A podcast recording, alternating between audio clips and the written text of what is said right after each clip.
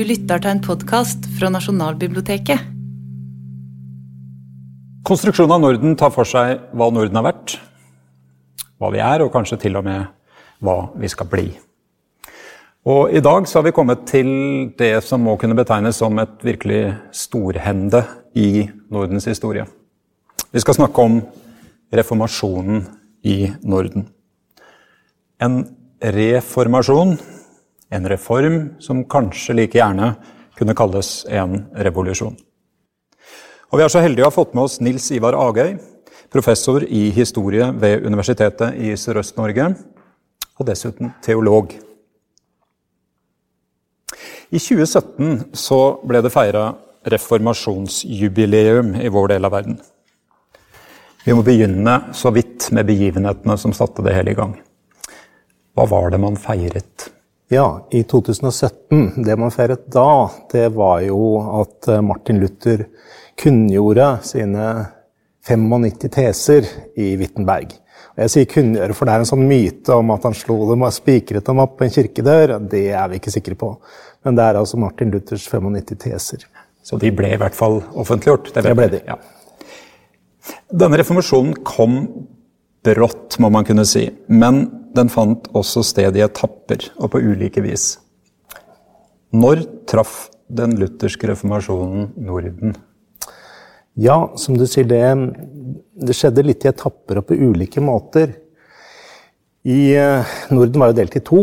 Det var eh, Sverige, inkludert Finland, og så var det Danmark-Norge. Og i Danmark særlig, der, som jo grenser til Tyskland, der hadde man en lang forberedelsestid, og det var ganske stor oppslutning om behovet for å reformere den katolske kirke. Så der hadde lutherdommen en viss en folkelig popularitet. Eh, og så kom dette her, Vi skal ikke gå i veldig stor detalj, men altså vi hadde en konge som het Fredrik den første, som på en måte forberedte på sett og vis eh, reformasjonen. Men det var eh, hans etterfølger Kristian 3. som i 1536 virkelig var reformasjonskongen. Da. Men som sagt, i Danmark så var det en folkelig lutherdom. I Norge så var det ikke det. Det var kanskje litt grann tilløp i Bergen, men ellers så var Norge et uh, dypt katolsk land. Så her ble reformasjonen innført med kongebud ovenfra. Ja. I Sverige så skjedde dette alt sammen veldig gradvis. Altså det, det kom i etapper. Eh, Gustav Vasa ble konge i Sverige i 1523, og han eh, brøt sånn gradvis med den katolske kirke. og sånn. Altså. Så, men altså, i vår sammenheng så er det jo eh, Så driver vi altså og utforsker denne konstruksjonen av Norden. Og da er det kanskje mest interessant å snakke litt om de kulturelle og politiske konsekvensene av eh, reformasjonen her i nord. Og hvordan reformasjonen har preget våre mentaliteter. Eh, men da begynner vi altså i det religiøse. Hva slags konsekvenser fikk Luthers insistering på troen alene? Ja, troen alene er jo et av de store slagordene fra reformasjonstida. Og det fikk store konsekvenser. For i det ligger det jo at uh, man blir frelst, altså ved troen alene. Og troen er i sitt vesen individuell. Og i praksis så betydde dette at der katolikker har liksom kirken, den katolske kirke, som et mellomledd mellom seg og Gud, så blir i luthersk tenkning, eller protestantisk tenkning, den enkelte ansvarlig for sin egen frelse. Og dette fikk store konsekvenser. Pga. at da fikk jo stater som ville være lutherske, de fikk jo på en måte et slags gudgitt ansvar for å sette alle borgere i stand til å ta ansvar for sin egen frelse. Og hvordan skulle de gjøre det? Vel, eh, for å gjøre en lang historie kort, man måtte lære folk hvordan de skulle skjønne hva som var den rette lære. Man måtte lære dem å lese. Så utdannelsen, skolevesenet, fikk et veldig puff Uh, Utdannelse da, det var først konfirmasjonsundervisning? Det var først konfirmasjonsundervisning, men det var jo altså Det passet ikke så bra i Norge, men det kom en sånn påbud ovenfra om at man skulle ha latinskoler. At, men også, ikke, ikke, bare gutter, men også jenter, skulle opplæres da. De skulle lære å lese. Så altså I Norge så kommer dette altså ovenfra. Vi får en kirkeordinans på slutten av 1530-tallet som legger stor vekt på undervisning. Og at den, men som sagt, den enkelte må ta ansvar for, eh, for sitt eget gudsforhold. Da. Hva var liksom forholdet mellom kirke og stat? Ja, Hvordan endrer det seg? det endrer seg ganske mye.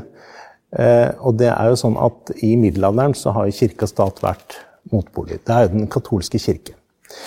I de lutherske statene i Norden, som er det vi er opptatt av, der smelter jo dette sammen pga. at vi får lutherske stater hvor etter hvert kongen, fyrsten, blir overhode, ikke bare for staten, men også for kirka.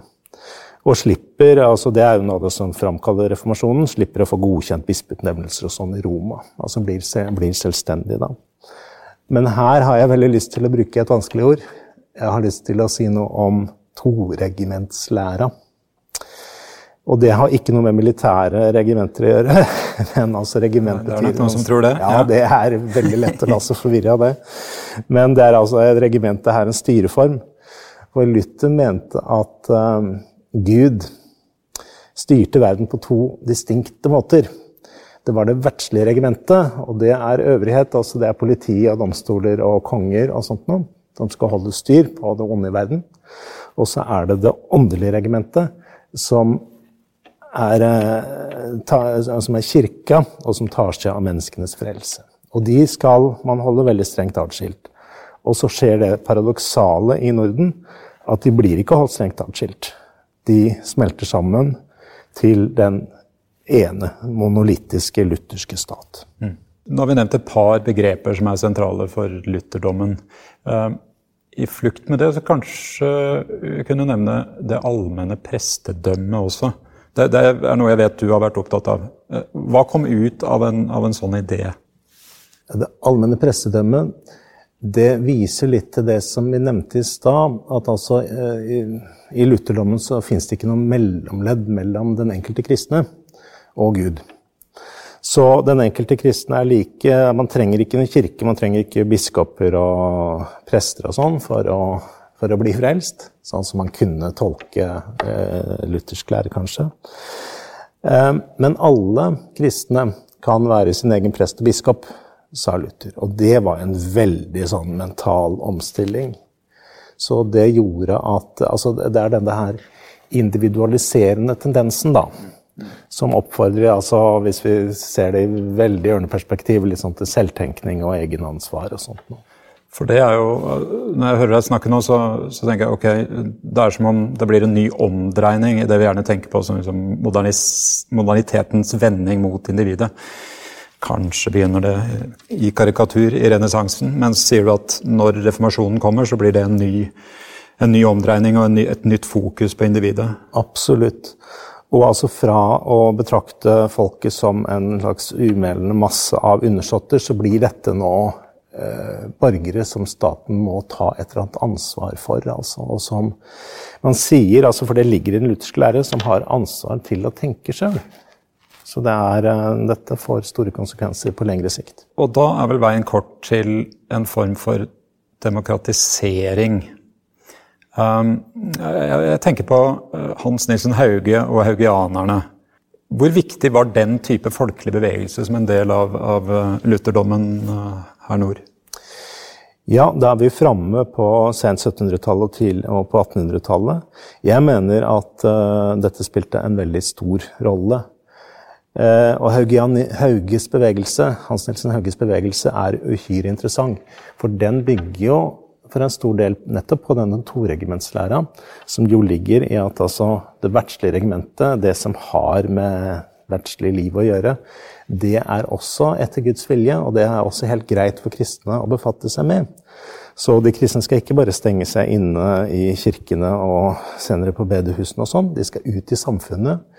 Eh, de skal delta i næringslivet. Det har mange vært opptatt av. Eh, men ikke minst, altså, de, skal, de kan danne Eh, foreninger for mange forskjellige altså gode formål, men det behøver ikke være religiøse formål nødvendigvis. Og altså koblingen til demokratisering er sterk, etter min mening, pga. at den foreningskulturen som oppstår på 1800-tallet, virker i seg selv demokratiserende. Altså helt vanlige mennesker som da i Norden stort sett har lært når vi kommer fram til 1800-tallet, å lese og skrive. Altså myndiggjøring er et stikkord her.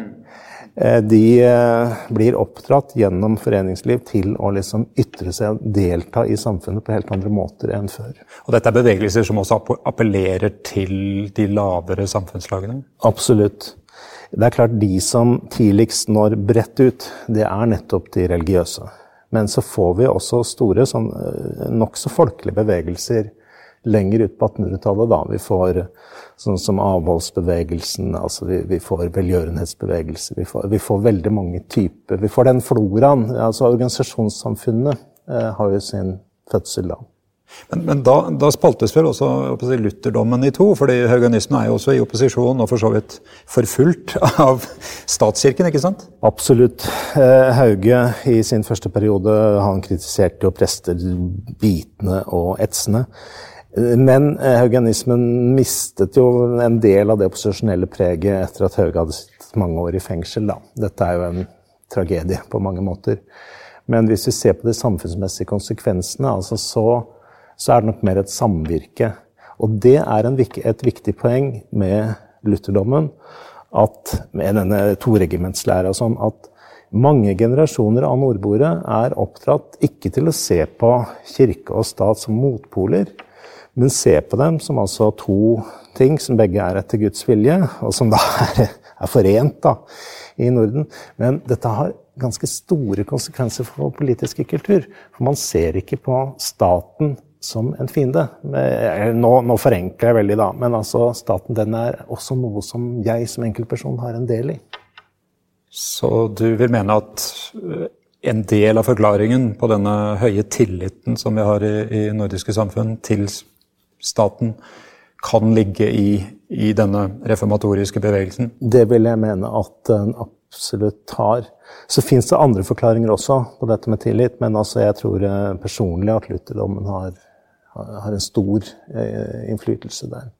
Bare helt kort, Fantes det lignende bevegelser i andre nordiske land, som haugianismen? Eh, det fantes noe som lignet, men altså det var tydeligst og sterkest og tidligst eh, i Norge, kan du si. Grundtvigianismen i Danmark gjorde seg gjeldende, men den kom, den kom senere. I Sverige så, vi, så kom, ble liksom disse foreningsdannelsene det kom senere og var svakere.